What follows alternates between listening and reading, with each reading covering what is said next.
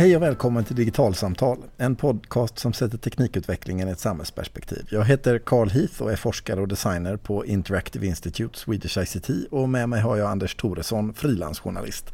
Hej Anders! Hej Carl! Jag tänkte att vi idag skulle nörda ner oss lite grann på sökning och söktjänster. De flesta av oss söker ju på nätet varje dag och många gånger. Och för min del så är det nog en av de absolut viktigaste sakerna jag gör i mitt arbete. Och för ett par år sedan så eh, en sommar var det, så erbjöd Google en sån här MOOC, Massive Online Open-kurs som hette Power Searching with Google. Och jag valde att gå den. Jag hade liksom en idé innan att jag var ganska bra på att söka på nätet. Men när jag gick den här sex veckors kursen på sommaren så kom alla eh, mina liksom fördomar om mig själv och liksom, de accentuerades jättemycket. Jag, jag insåg liksom att jag var rätt kass på att söka. Så att lägga sex sommarveckor på att, på att sitta med sökrutan i Google, det var väl investerad tid?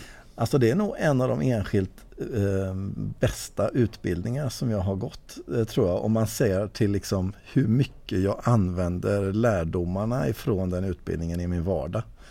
Eftersom jag söker verkligen varje dag och en misslyckad sökning det innebär att jag lägger jättemycket tid på arbetet för att hitta någonting. Eh, och om jag då effektiviserar det och gör det snabbare och enklare och hittar det jag är på jakt efter så eh, sparar det ju massiva mängder pengar och tid och ångest och allt möjligt. Så nej, jag vågar nog påstå att det är nog, eh, ja, det är nog en av de bättre utbildningar jag gått. Det var Men då, skulle jag vilja, ja. då skulle jag vilja veta, du, du pratar om, om nytta i form av sparad tid här. Gav det dig också kunskaper som gör att du träff, hittar innehåll, sökresultat som faktiskt är bättre än det du gjorde tidigare? Finns det en kvalitetsskillnad eller är det bara en, en tidsvinst? Jo men det är det också. Alltså det finns väl olika typer av kvalitetsskillnader där. Alltså dels så hittar jag Eh, till exempel eh, om jag är på jakt efter liksom, eh, primärkällan till någonting eh, så upplever jag att jag idag är lite bättre på att hitta den jämfört med att hitta nyheten om någonting till mm. exempel. Eh, och ett annat exempel på där kvaliteten har blivit bättre eh, det är när jag söker på bilder till exempel. Att jag idag söker på bilder som gör att jag ehm, kan använda bilderna på ett bättre sätt. Till exempel eh, för att de har Creative Commons-licenser. Så, så nej, det finns många kvalitetsaspekter i, eh, i eh, sökning, absolut. Och det som kanske jag tänker på mest i själva sökningen det är liksom hur vardagligt det här har blivit. Som för 20 år sedan verkligen inte alls var det. Eh, jag minns liksom före Googles tid med eh, Alta Vista och Yahoo och så vidare där man hade liksom eh, indexerade långa träd där man klickade sig igenom långa länktabeller för att hitta någonting och sådär. För att liksom hitta all den här mängden data som fanns på internet då. Men liksom hur framförallt Googles tjänster har kommit att bli en så integrerad del av hur man tänker om sin vardag. Eh, det är någonting som, eh, ja, som fascinerar verkligen. Eh, för det, är en sån, det har blivit en sån trivial vardagshandling att söka. Hur ofta söker du Anders?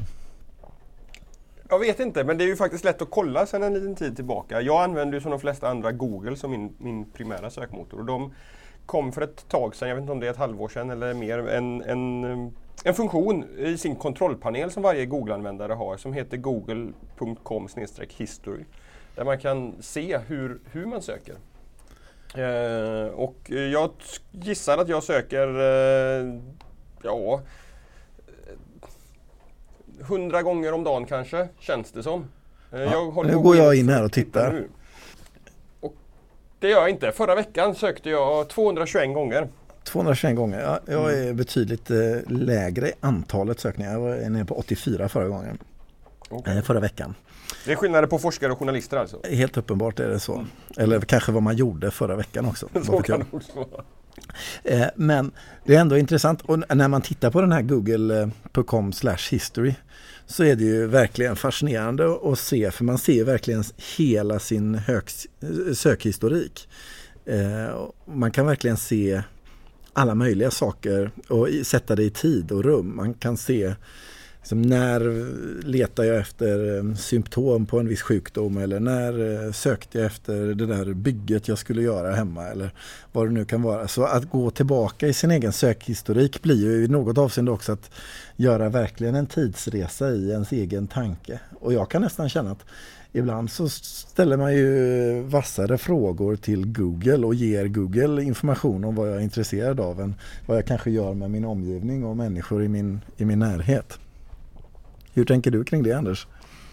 Ja men så, så är det ju absolut. Och jag läste nyligen, jag kommer tyvärr inte kunna dela någon länk, men, men någon som konstaterade att att den sökmotorn som vi väljer att använda, den vet faktiskt mer om oss själva än vad vi, vad vi själva gör. Och argumentet eller resonemanget bakom det var ju just det här att en sökmotor sparar faktiskt allt som vi söker efter. Medan, medan eh, vi glömmer bort vad vi har sökt efter för ett tag sedan. Jag tittade här medan du pratade nu, gick in och klickade på hur, hur mina, mina populäraste sajter ser ut över hela tiden som Google har sparat information om mig. Och där kommer byggahus.se upp som, som tredje sajt. Och det var under en period när jag och min fru eh, var på jakt efter ett nytt hus. Som jag hamnade där rätt ofta när jag skulle söka på diverse fel på de objekten som vi var intresserade utav. Och jag hade ju aldrig någonsin gissat att, att jag varit så mycket inne på bygga hus att det skulle kunna kvalificera sig för en tredje plats över mina tre mest klickade sajtlänkar på, på Google. Ja, jag ser när jag tittar så inser jag vilken gamer jag är för på femte plats eh, all time så dyker en eh, spelwiki upp som jag använder ganska mycket. Så eh, nej absolut, jag får nog eh, eh böja mig för den där eh, informationen, absolut. Jag måste bara få göra en utvikning här kring den här sökhistoriken som vi pratar om. Eh, som inte handlar om sökningar utan integritetsaspekten på det. Eh, och det handlar om att det finns något som kallas för tvåfaktorsautentisering, tvåfaktorsinlogg. Det är att det inte bara räcker med ett, ett, enkelt lösenord för att logga in på ett konto utan man måste ha någonting annat också. Ett vardagligt exempel är ju bankdosan som man behöver ha för att logga in till sitt internetkonto. Och liknande funktioner finns för flera av de stora sajterna på nätet idag. Du kan göra det på Facebook, du kan göra det på Twitter, du kan göra det på, på Google, du kan göra det på Dropbox. Eh, vilket gör det svårare för någon att logga in på ditt konto. Och just när Google lanserade den här history-funktionen så, så började jag argumentera för att det här i sig är ett skäl att aktivera sökhistoriken, eller eh, tvåfaktorsinloggningen hos Google. Därför att den som kommer över det här kan, kan klicka sig runt i min sökhistorik och dra väldigt långtgående slutsatser av vad som bekymrar mig, vad jag är intresserad utav och allt möjligt. Så att har ni inte redan aktiverat tvåfaktorsinlogg på Google så gör det. Tillbaka till söktips Carl. Ja precis, för jag tänker att både du och jag är personer som söker ganska mycket och använder Google eh, Eh, mycket. Jag har ju till och med gått den här utbildningen som jag varmt kan rekommendera och vi kommer lägga länken till eh, Power Searching with Google-utbildningen som man kan gå eh, fortfarande i show notesen. Men Anders, om du skulle börja med att droppa ett tips på hur du gör när du söker. Är det någon särskild sökteknik du har eller om du skulle rekommendera någon liksom feature i hur du söker på Google? Hur skulle du... En, en, en funktion som jag i, när jag gör research för artiklar som jag ska skriva eller, eller på andra sätt så är det ofta så att jag är ute efter eh, vetenskapliga artiklar som, som har skrivits om olika ämnen. Och då är att använda en sökfunktion som gör det möjligt att bara söka efter vissa filtyper väldigt, väldigt användbar. Jag, man skriver in type kolon och sen kan man skriva, eh, det som jag använder är pdf. Så att skriver man type kolon pdf och sen den söksträngen som man är intresserad utav, då kommer man bara få upp sökresultat i form av pdf-dokument. Och den typen av information som jag då är ute efter, den finns oftast i pdf-dokument. Struntar jag i att göra den här avgränsningen i filtyp, då får jag alldeles för mycket ovidkommande träffar. Men genom att göra den här så blir det ett sätt att hitta det som jag är intresserad av. Det kan jag har också, också använt sätt... den här eh, file type-funktionen. Jag har använt den dels just för pdf för att få rapporter och sådana där grejer. Eh, men också i kombination med en annan eh, eh, liknande sån här liten sökordsgrej man kan skriva. För om man skriver site kolon så kan du också avgränsa dig till ett visst domän i, i, på internet. Så du kan välja till exempel site kolon se för att bara söka på se-domäner. Eller du kan söka på site kolon och sen adressen till själva Eh, webbplatsen som du letar. Så om jag till exempel är på jakt efter en pdf på eh, Västra Götalandsregionens hemsida eh, så skulle jag kunna begränsa mig till att bara söka där och bara söka på pdf-er och då förfinar man ju sin sökning oerhört mycket. Mm.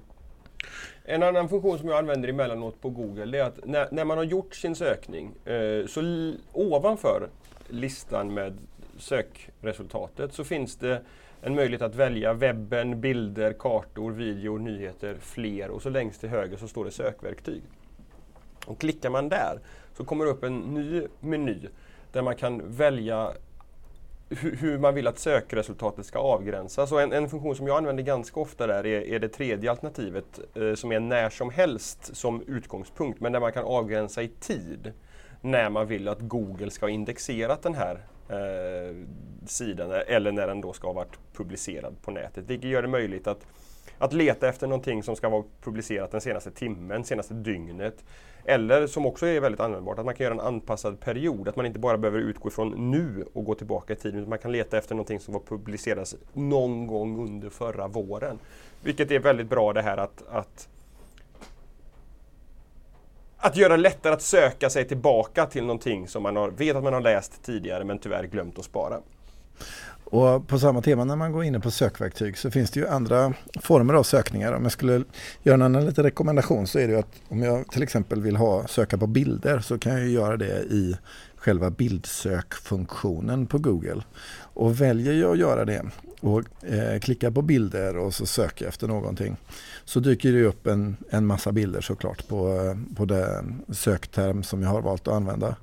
Eh, men här finns också möjligheten att klicka på sökverktyg och då ser den listan som dyker upp där annorlunda ut än i den vanliga sökningen. Så vad det innebär är att jag till exempel kan söka på storlek på bilden. Om jag vill ha en högupplöst bild så kan jag begränsa till att bara söka på stora bilder. Och likadant kan jag söka på färg. Så om jag vet att jag vill ha ett rött objekt så kan jag bara söka på röda bilder. Och då får jag bilder med röd som accentton. Eh, och likadant Eh, på bilder så kan jag söka på användningsrättigheter. Så att i Google så finns det en inbyggd funktion för mig att söka på bilder eh, som har en eh, reglerad upphovsrätt genom Creative Commons som gör det möjligt för mig att kunna eh, veta om på förhand att jag kan använda en viss bild till exempel för icke-kommersiella syften eller vad det kan vara. Vilket ju är oerhört användbart om man till exempel gör PowerPoint-presentationer eller något i den stilen. Där skulle jag bara vilja kroka i och, och hoppa utanför Google-bubblan lite grann och, och tipsa om en, en, söktjänst som jag hittade i förra veckan. En, en nylanserad som heter Visual Hunt. Kommer också länka till den, som är en sökmotor bara med Creative Commons-licensierade foton och som just nu skryter med att de har 354 miljoner indexerade Creative Commons-bilder. Häftigt. Det får jag ta och kolla in sen.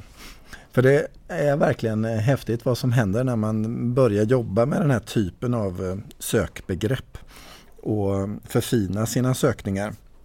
För det gör ju att dels att man hittar snabbare men också som du var inne på Anders att man kan hitta mera kvalificerat innehåll eh, än vad man kanske gör i ett annat skede eftersom man hittar de här eh, smalare eh, artiklarna eller som kanske är ursprunget till någonting och inte mm, mediediskussionen om vad det nu kan vara för någonting. Eh, jag har ytterligare ett tips som jag använder rätt mycket. Jag, jag har skrivit och föreläst en del om omvärldsbevakning på nätet och, och, då kretsar mina tips väldigt mycket om en teknik som heter RSS som, som är någon slags nätets motsvarighet till en, till en brevlåda dit de tidningarna som jag prenumererar på kommer utan att jag behöver gå ut och leta efter dem. Vi kan komma tillbaka till RSS kanske i ett senare avsnitt och lite grann mer om vad man kan göra med det. Men, men då är det också möjligt att hos Google och på ett antal andra sökmotorer också att göra en sökning i framtiden. Att man, man talar om att jag är intresserad av de här sök, det här sökbegreppet. Och sen så varje gång Google eller någon annan sökmotor, Twingly, en svensk sökmotor för bloggosfären till exempel, har också den här funktionen. Så varje gång de hittar någonting som matchar min sökning, då uppdaterar de mitt RSS-flöde med det. Så att jag, när jag kollar de bloggarna och de sajterna som jag är intresserad av i mitt RSS-flöde, då har jag också en mapp med eh, stående sökningar. Där den här typen av saker som jag liksom är intresserad av över tid dyker upp när sökmotorerna som jag använder hittar någonting som, som handlar om just det här. Så att man behöver inte bara söka på det som finns på nätet just nu utan det här ger, ger det, gör det möjligt att söka i information som publiceras från och med nu och framåt i tiden också. Ja precis, för det gör ju också att eh, saker och ting, begrepp som du är intresserad av så att säga hänger kvar över tid och där man inte alltid kommer ihåg eller har just vid det tillfället när nyheten kommer att man då inte är ute och söker eller vad det kan vara. Mm. Så nej men absolut, det finns jättemånga sätt att söka på. Jag kan inte nog eh, rekommendera den här eh, sommarkursen Power Searching with Google för den eh, förfinade mina eh, möjligheter att söka jättemycket. Det finns eh, dessutom en fortsättningskurs om man verkligen är tokintresserad av sökning kan man kan man gå den också. Men jag tänker det finns ju liksom andra utmaningar kring eh, sök och sökning och en sån där stor utmaning eh, det är ju Googles dominans på det här området kort och gott. Mm. Eh, vi använder ju till och med deras varumärke som verbet för att söka efter saker och ting på nätet.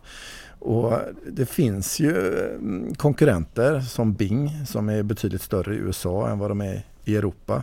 Och på andra marknader så finns det ibland andra sökmotorer.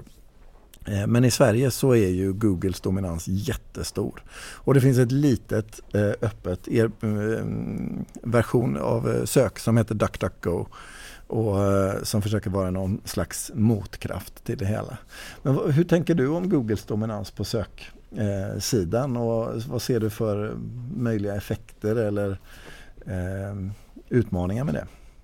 Jag vet ärligt talat inte om jag ser så stora effekter utav Alltså man, man, kan ju ta den här diskussionen ur, ur, flera olika perspektiv. Alltså man kan ju ta den ur en, ur en rent tekniskt perspektiv. Att vi genom att, att använda Google i väldigt stor utsträckning blir utlämnade inom citationstecken till Googles sökalgoritm. Att, att det är Googles eh, utvecklare och, och forskare och tekniker som har hittat ett sätt att rangordna innehåll på webben som, som väldigt många av oss förlitar sig på när vi letar efter material. Det, det knyter lite grann an till filterbubblediskussionen som vi hade i förra avsnittet av Digitalsamtal. Så det, det, är ju, det är ju ett perspektiv på, på, på det hela. Eh, men, men, lyfter man blicken och tittar på det ur, ur liksom en, en, diskussion kring internetjättarnas position och, och marknadsandelar och inflytande liksom totalt sett. Då, då, då blir det kanske ännu mer problematiskt eh, möjligen. Jag, vad tänker du själv? Alltså, en fundering jag har kring det, det är ju att eh, vad sökningen gör eh, det är ju att den lagrar all den här informationen om oss genom vad vi söker.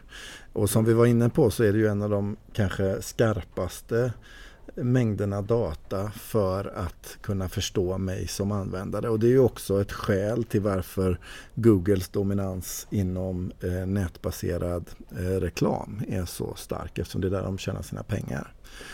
Och, så det finns ju liksom en slags koppling där. Eh, och vad jag då tänker, det är, jag tänker tillbaka på eh, Evgenij Morozovs eh, samtal på internetdagarna Eh, för en tid sedan när han menade på att det kanske inte räcker för en konkurrent till Google med att helt enkelt göra en bättre sökalgoritm. För Google har funnits på nätet så pass länge att deras värde inte bara består av kvaliteten i deras nuvarande teknologi utan också tillgången till all den data som vi har lämnat ifrån oss eh, genom våra sökningar till exempel. Eh, och här uppstår ju liksom en en förstärkningssituation för ett fåtal företag som får en verkligt global dominans. Och eh, ja, jag tänker lite grann på just sådana saker som liksom vad det får för konsekvenser på maktförskjutning eh, i ett liksom makroperspektiv. Att det finns utmaningar där. Jag har inga liksom särskilda svar eller reflektioner just eh, här och nu på det. Men, men jag kan se att eh, den här liksom eh, kondenseringen av kunskap och data om eh, samhället både har liksom jättestora fördelar eftersom vi får tillgång till det mesta av den som användare. Men att det också finns utmaningar med den. Jag, jag, tycker en intressant aspekt på det här också är liksom den här bilden av vad ett sökresultat faktiskt är. Det, det, det kopplar tillbaka någonstans till, till hela syftet med den här podcastserien, att, att förstå tekniken bakom de tjänsterna och den teknikutvecklingen som vi ser. Att jag, jag, jag, träffar lärare ibland, till exempel. jag träffar massa olika yrkeskategorier och, och, och frågar ibland, specifikt lärare men också andra, liksom, hur, när ni söker på Google, vad är det som avgör hur, hur sökresultatslistan ser ut? Och det finns ingen klar bild. Man har inte en, en tanke om hur Google och andra sökmotorer överhuvudtaget fungerar.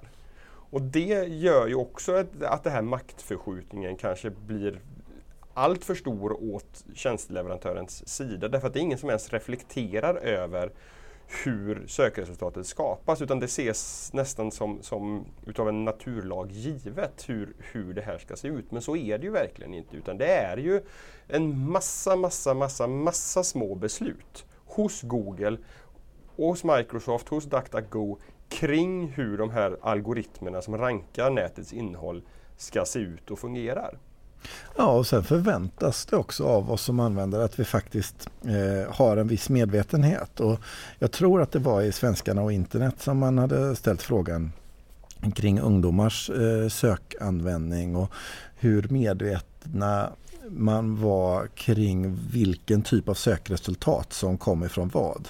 Eh, och det visade sig att eh, det är en ganska förvånansvärt stor grupp som faktiskt inte ser skillnad på vad som är ett eh, annonserbjudande att klicka på i dina sökresultat och vad som är ett sökresultat. Den här färgnyansen mellan en eh, reklam eh, och, och eh, inte eh, är inte självklar för alla. Eh, utan man tänker att det som är högst upp är säkert eh, det bästa resultatet. Och det kan man tycka att ja, men det där är ju liksom en, det är basalt, det står ju rakt framför en och så vidare. Men helt uppenbart så är det inte en självklarhet. Eh, så även de ganska liksom vardagliga sakerna kring sök eh, finns det anledning att ha en liksom kritisk relation till och fundera över liksom, vad är det vi behöver kunna och eh, när det kommer till just utbildningssektorn och källkritik så blir ju användningen av Google och hur ett resultat genereras och det personaliserade resultatet, alla de här aspekterna som vi nu har pratat om blir någonstans eh, en slags baskunskap i den typen av digitalt samhälle vi faktiskt lever i idag. Men vad, vad ska man, hur, hur, ska man förhålla sig till, till sökresultatet tycker du då? Alltså hur, hur, vad, vad, ska man, vad ska man tänka att ett sökresultat är? Alltså, alltså jag tänker att ett sökresultat, ska jag säga att, som jag tänker just nu i varje fall, så tänker jag att ett sökresultat det är ju en ögonblicksbild baserat på min tidigare historik av saker som jag kan antas vara intresserad av just nu. Det är mm. ju ingen objektiv sanning på något sätt utan det är ju en, eh, det är ju en, en del av en process. Eh, det är någonting som är ganska flyktigt och föränderligt. Eh, vilket ju gör att det till exempel blir svårt att hänvisa till en Google-sökning som någon form av källa eh, överhuvudtaget. Mm. Egentligen, utan man behöver liksom förhålla sig till Google eller sök generellt. Mer som en del av en process tror jag, snarare än att det är en tidsoberoende statiskt verktyg som eh, ger en en viss typ av information. För det är ju krasst sett så också att tid är en parameter i Googles sökning eh, som är väldigt viktig för vad söktjänsten erbjuder för resultat och också för hur vi söker. Det finns en Google-tjänst som heter Google Trends Eh, Google.com trends. Och där kan man gå in och skriva sökbegrepp och se hur vanliga är de? Hur är frekvensen på ett sökobjekt? Och man kan jämföra flera olika typer av sökobjekt med varandra. Och till exempel om man går in eh, på Google Trends och söker på eh, fullmåne då kommer man få en kurva som visar på fullmånarna och var de är någonstans baserat på alla sökdata eftersom vi söker på fullmåne när det är fullmåne i högre grad än annars. Ehm, och eh, man kan nästan använda den här typen av eh, verktyg som en eh, prognosverksamhet eh, eh, eh i något avseende. Jag vet att det har gjort sådana försök i samband med till exempel Eurovisionsschlagerfestivalen där alla låtar är kända och lägger man in alla artister och ser på hur populära de är på Google så kommer man också få en ganska tydlig indikator på hur de kommer rankas också i Eurovisionsschlagern. Mm. Så, så, eh, men det är ju liksom tillfälligt och här och nu. Det är inte något som är eh, Alltså ett sökresultat som dyker upp det kan se annorlunda ut imorgon och det, kan, det ser annorlunda ut för dig. Och, och vi behöver vara medvetna om just de här kvaliteterna eller vad vi kan kalla det för mm. i vad det är att söka. För det Vet vi om det så blir vi också bättre på att använda sökfunktionerna och vi blir bättre på att ha en källkritisk relation till innehållet vi ser. Mm. Du, du, frågade förut vad, vad, vad, jag tänker om Googles dominans. Det finns ju en annan aspekt på det här också. Det är ju, det är ju vägen fram till sökresultatet. Alltså vad vi väljer att skriva in i sökrutan. Och där har ju, har ju Google den här autocomplete-funktionen. Att när jag börjar skriva mina sökord så kommer Google med förslag på vad det är som jag möjligen kan tänkas vara intresserad av att söka efter. Och det blir ju också en slags eller kan kanske bli, jag vet inte, en, en, en styrning utav vad jag i slutändan faktiskt väljer att söka efter och därmed också vilken information det är som jag hittar. Och där, alltså Google är ju väldigt obenägna att, att ta att diskutera om ett slags redaktionellt ansvar. eller så här. De pratar om sig själva som en spegelbild utav webben och så vidare. Och det, det kan jag tycka är, ett, ett, en ståndpunkt som inte riktigt stämmer utav många olika anledningar. Men, men det här att, att de också då eh, faktiskt är med att, att formar, hjälper oss att formulera de, de frågor som vi ställer till, till sökmotorn inte bara levererar ett resultat utan också hjälper oss att, att ställa den första frågan till dem. Ja, det kanske kan vara problematiskt i vissa sammanhang. Kanske kan vara jättebra i andra därför att vi får... Ja, det, det finns inget svart och vitt här. Allt är en, en, en gråskala. Men, men det, det, är saker och ting som är, är värda att fundera på. Jag kan inte annat än hålla med. Och det komplicerar ju liksom hur, eh, liksom vad sök är idag i, eh, i en samhällskontext. Och jag tänker lite grann bara om man avslutningsvis ska titta på liksom hur ser det ut om man kikar runt hörnet vad gäller sök så är ju en trend som har vuxit sig ganska starkt de sista åren det är ju att vi eh, kommit att kunna använda rösten mer och mer i vår interaktion med våra digitala objekt. Så man kan mm. använda Siri på eh, sin iPhone eller eh, Hej Google för, i sin Google-miljö eller Cortana på Microsoft och så vidare. Alexa på Amazon. Och det händer någonting intressant i eh, omväxlingen ifrån att skriva in och få ett sökresultat till att eh, verbalt ställa en fråga till teknologin och sen få ett svar. För i mm. praktiken så används ju sökfunktionerna när jag ställer frågan. Eh, men eftersom det är röst och jag får ljud tillbaka så får jag ju inte en lista på potentiella svar utan jag får ett svar.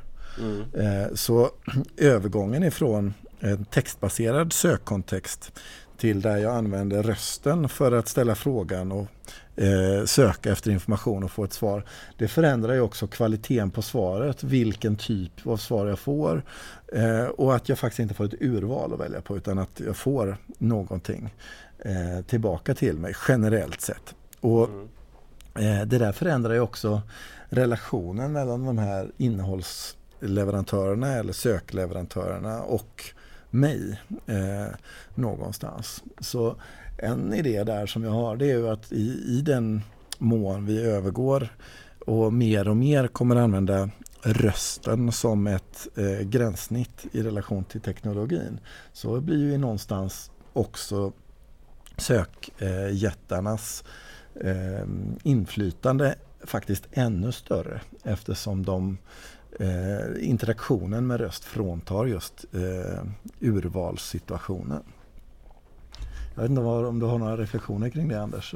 Hur du ser på just liksom röst och sök. Har du prövat själv? Och vad tänker du om det? Ja, jag, jag har prövat lite grann och jag, jag har väl reflekterat över just det som du tar upp här. Att, att när man söker med rösten så är man ofta i en situation där man eh, inte, inte har möjlighet att, att bläddra i en, i en lång lista med, med, med sökresultat. Men jag tänker också att det kanske är så att röstsök åtminstone eh, en, en tid framöver kommer vara ganska faktabaserade sökningar som man gör. Därför att man är i, i, en situation där man kanske behöver ha ett, ett entydigt svar på ett telefonnummer någonstans eller en adress till någonting eller vem är det som är kung i ett visst land? Jag vet inte men, men, men att, att det är, är, väldigt tydliga ja, men,